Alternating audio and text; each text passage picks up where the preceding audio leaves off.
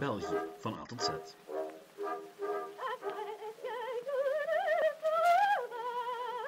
Welkom bij Geschiedenis van België. En welkom bij letter T. T voor Tiendaagse Veldtocht. De eerste echte militaire campagne van een onafhankelijk België. En dan nog eentje die niet zo heel goed afliep. Of net wel, het hangt er vanaf hoe je er maar naar kijkt.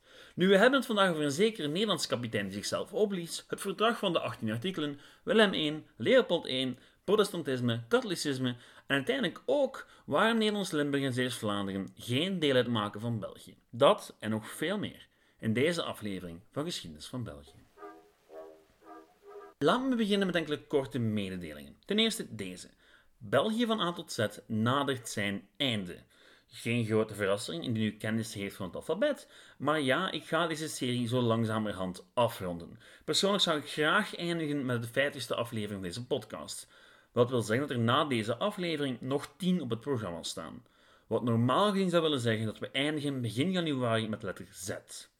Als ik geen pauze neem voor examens, feestdagen en dergelijke meer, maar dat zien we dan wel.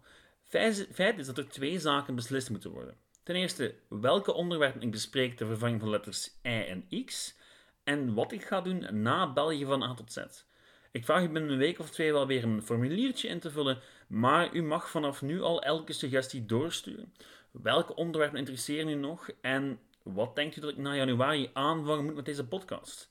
Een lineaire geschiedenis van België, breder gaan dan België, een focus op steden, een focus op personen. Alle suggesties zijn welkom, er is nog niks beslist. Die suggesties kan u kwijt via Facebook en via e-mail. Het e-mailadres is geschiedenisvanbelgië.outlook.be en de Facebookgroep is simpelweg Geschiedenis van België. Oké, tot daar de mededelingen. Terug naar geschiedenis. De tiendaagse veldtocht dus. Luisteraars die bekend zijn met mijn uiveren weten natuurlijk dat ik, dat ik het al meer dan eens over deze militaire campagne heb gehad. Zowel in aflevering 10 van Waarom, van België als Koningin 1, had ik het en passant al over de tiendaagse veldtocht. Ik maakte me echter zo snel vanaf dat ik gerust de tijd nemen kan nu om het hele stukje even aan u voor te lezen. Het gaat als volgt. Willem I had geen zin in het verdrag van 19 artikelen en stak op 2 augustus 1831 dan maar de grens over met een leger voor wat men later de tiendaagse veldtocht zou noemen. Tiendaagse, want hij duurde maar tien dagen. Niet omdat de Nederlanders moeite hadden met het Belgische leger, dat vegen ze relatief makkelijk opzij, maar omdat een Frans leger op vraag van Leopold I op weg was om de Nederlanders de deur te wijzen. Waarop de Fransen onmiddellijk zelf de benen namen, daar de Britten op het punt stonden zelf België binnen te vallen, als de Fransen niet rap zouden maken dat ze weg waren. Einde fragment. En toegegeven, daarmee vat ik de korte inhoud wel samen, maar laat ik even goed heel wat onverteld over het waarom van die campagne. Waarom de Belgen zo grondig op hun doos kregen, waarom de Fransen ingrepen en hoe die veldtocht überhaupt verliep. verliep. Of waarom we ten noorden en ten zuiden van de Moerdijk heel anders omgaan met de herinnering aan de Tiendaagse veldtocht. En last but not least, waarom die veldtocht stiekem heel belangrijk geweest is voor het huidige België en Nederland. En eigenlijk heel veel impact gehad heeft. Ook al zijn we, zeker in België, hem al grotendeels vergeten. Voor we het over de veldtocht zelf kunnen hebben, moeten we nog maar eens terug naar de Belgische Revolutie. Een korte samenvatting wel, want voor de lange versie kan u terecht bij aflevering 8, 9 en 10 van Waarom van België. Na de slag van Waterloo werd Europa herverdeeld en men stichtte bufferstaten aan de grens met Frankrijk in de hoop toekomstige Franse expansie tegen te gaan. Een van de bufferstaten die ontstond was het Verenigde Koninkrijk der Nederlanden, dat de zuidelijke en noordelijke Nederlanden voor het eerst in de 16e eeuw verenigde. Na meer dan 200 jaar van elkaar gescheiden geweest te zijn, verliep die hereniging ja, niet van een leien dakje. Er waren allerhande religieuze, politieke en culturele spanningen die, in combinatie met een heel erg koppige vorst, ertoe leidden dat de belangrijkste politieke strekking in de zuidelijke Nederlanden het zogenaamde Monsterverbond sloten, waar liberalen en katholieken besloten om samen oppositie te gaan voeren. In 1830 zijn zij ook samen de revolutie gaan leiden, na een oprijende opera en de daaruit volgende rellen. Nu, een voorlopige regering in Brussel die stelde haar eisen aan Willem I, die stuurde uiteindelijk zijn tweede zoon, Frederik, met een leger om een einde te maken aan al het dwaasgedoe in Brussel. Dat leger kreeg op zijn doos in het Warmdepark en moest zich uiteindelijk terugtrekken. De Belgische onafhankelijkheid werd verklaard, er werd een grondwet geschreven, de grootmachten gaven een fiat en uiteindelijk werd er zelfs een koning gevonden die het nieuwe landje leiden zou. Zover zo goed. Tot Leopold I de eet afnam. En twaalf dagen later viel het Nederlandse leger België binnen. De inval zou tien dagen duren en de geschiedenis ingaan als de tiendaagse veldtocht. Goed, zo bent u helemaal mee. Laten we onmiddellijk met de deur in huis vallen. Waarom een Nederlandse invasie van België? Er zijn eigenlijk een heleboel redenen te noemen. De eenvoudigste is natuurlijk dat Willem I het verlies van de helft van zijn koninkrijk maar moeilijk kon verteren. En zeker als je een korte samenvatting schrijft, ja, dan ga je die gebruiken. Um, achteraf gezien is dat zeker niet de enige reden voor de invasie. Want bij elke oorlog kan je verschillende oorzaken aanduiden. Zo ook bij deze.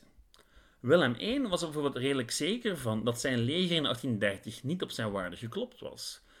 En ergens is dat ook wel logisch, want waarom zou hij anders nog eens België binnenvallen? Als hij zich ervan bewust was dat zijn troepen de België niet aankonden. Feit is dat ja, er wel iets voor te zeggen is voor het argument dat het Nederlandse leger in 1830 niet op zijn sterkste, werd, niet op zijn sterkste was. Het Nederlandse leger werd tijdens de revolutie verslagen omwille van twee grote redenen. Een gebrek aan mankracht en Brussel.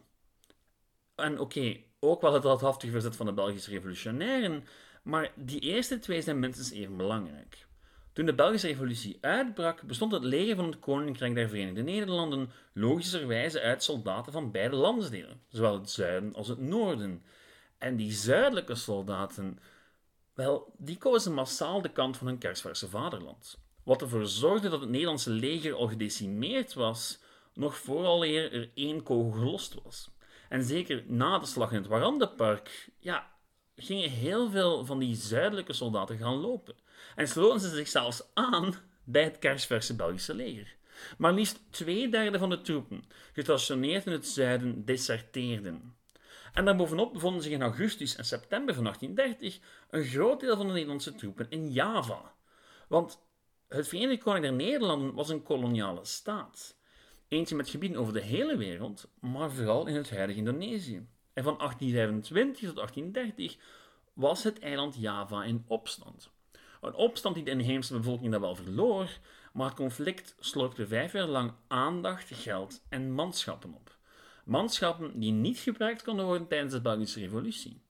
En dat helpt natuurlijk verklaren waarom de revolutionairen relatief makkelijk controle konden verkrijgen over het Belgische grondgebied. Dat en het feit dat Willem I hoopt op een diplomatieke oplossing of buitenlandse hulp. De enige echte poging die ondernam om de macht terug in handen te krijgen, was dat leger van 12.000 man, die onder leiding van Frederik naar Brussel werd gestuurd.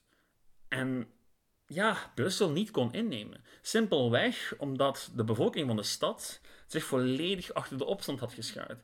En ja, een, stads, een stadsveldslag is nu eenmaal moeilijk te winnen voor een regulier leger, ook al slaan ze hun kampen op in een park. Vier dagen lang werd Frederik daar bestookt en uiteindelijk hield hij het voor bekeken. En op 27 september verlieten de Nederlandse troepen Brussel en op 4 oktober riepen de Belgen de onafhankelijkheid uit. Het verzet in Brussel, het koppige verzet in Brussel, gecombineerd met de leegloop van het Nederlandse leger, zorgde ervoor dat Willem I in de herfst van 1830 geen enkele mogelijkheid zag om België nog te onderwerpen. Maar die zou wel komen. Want hoewel de Belgen zich in oktober 1830 al rijk rekenden, zeker toen ze de toestemming van de grootmachten wisten te verkrijgen, was Willem I nog helemaal niet van plan om zich bij de situatie neer te leggen. En achteraf gezien klinkt het redelijk vreemd, maar Willem was er een tijd lang van overtuigd dat de situatie zichzelf wel zou oplossen, min of meer. Concreet hoopte hij op een contra-revolutie.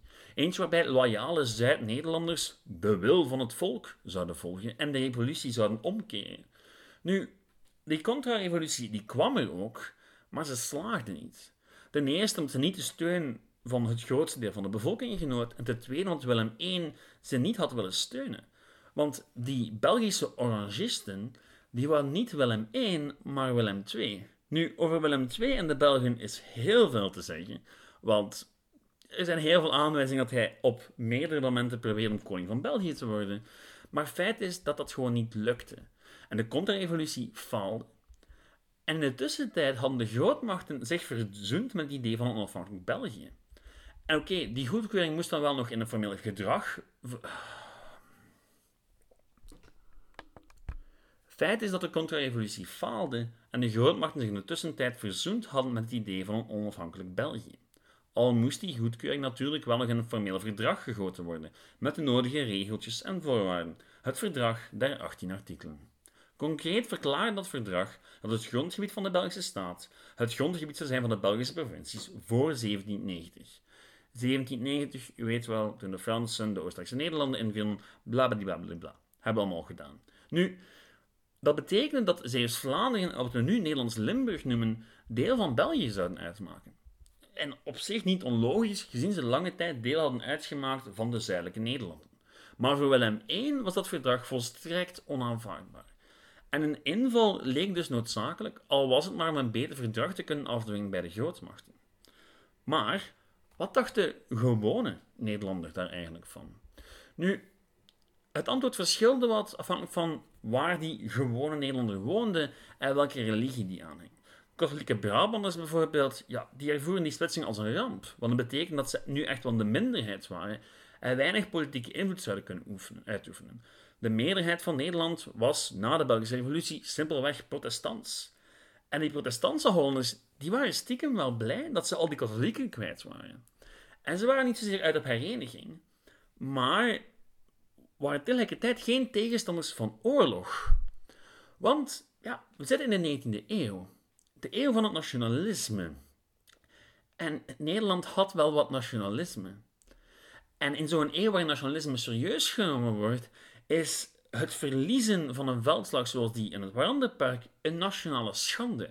Een schande die gewroken moet worden. En dan gaat men natuurlijk zo'n oorlog en zo'n veldtocht onthalen als een kans om de nationale superioriteit te tonen. En dat nationalisme dat leefde wel bij heel veel Nederlanders in de dagen na de revolutie, na de Belgische revolutie. Een mooi voorbeeld dat heel wat Nederlandse soldaten inspireerde, was dat van Jan van Spijk. Van Spijk was kapitein van een Nederlandse kanonneerboot. Een boot die vanaf oktober 1830 de haven van Antwerpen blokkeerde en deelnam aan het bombardement van die stad op 27 oktober. Nu, op 5 februari 1831 strandde Van Spijk's schip door een harde noordwestenwind op de oever ter hoogte van het Belgische fort Sint Laurentius. Dat schip werd vervolgens bestormd door havenarbeiders en anderen en Van Spijk besefte dat zijn schip genomen zou worden. En liever dan zijn schip op te geven, zou Van Spijk met zijn sigaar het buskruid aangestoken hebben en zo zichzelf en een zeventwintigtal andere bemanningsleden opgeblazen hebben. Lijkt mij redelijk nodeloos, maar voor veel Nederlanders van die tijd was het heldhaftig. En in wat de resten van het Verenigde Koninkrijk der Nederlanden bekeek men Van Spijk al snel als een nationale held. Er werd een rouwperiode van drie dagen afgekondigd, geld ingezameld voor een nationaal monument, eh, een vuurtoren trouwens, lofdichten geschreven en tot op de dag van vandaag vaart er een schip in de Nederlandse marine onder de naam Van Spijk. Nederland had dus een martelaar in 1831 en daarbovenop een duidelijke vijand. En een plan. Want al vanaf oktober positioneerde Willem I troepen in Noord-Brabant. En hij had ook een duidelijk ultimatum verstuurd naar de grootmachten en naar dat jonge België. Als Leopold I plaatsnam op de Belgische troon, zou Willem I dat als een oorlogsverklaring beschouwen. Nu, dat ultimatum namen slechts weinigen serieus, maar in de tussentijd bereidde Willem I het Nederlandse leger wel degelijk voor op een oorlog en lagen de militaire plan klaar toen Leopold I zich op 21 juli tot koning van België liet, kronen. Excuseer, koning der Belgen. En de Belgen, wel, die Belgen hadden zich iets wat misrekend. Na de mislukte Orangistische staatsgreep in maart, het verkrijgen van de goedkeuring van de grootmachten en de troonsbestijging van Leopold I, dacht men dat de basis voor het voortbestaan van de Belgische staat nu wel gelegd was.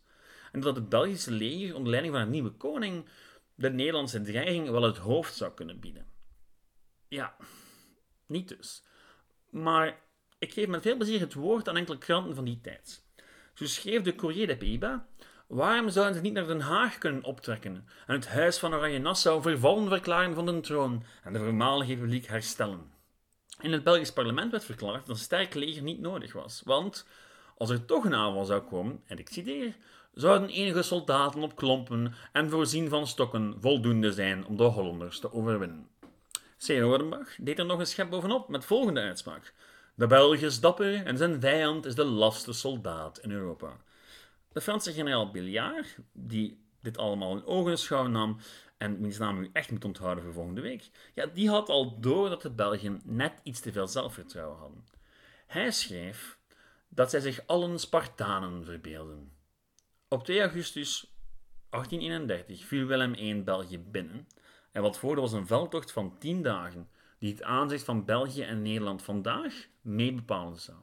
Maar dat verhaal is voor volgende week. Want uh, ik ben er nogmaals in geslaagd om een simpele inleiding een hele aflevering te laten duren. Mijn excuses. Volgende week gaan we verder met de 10-daagse veldtocht en de gevolgen ervan. Tot dan. Bedankt voor het luisteren. Ciao.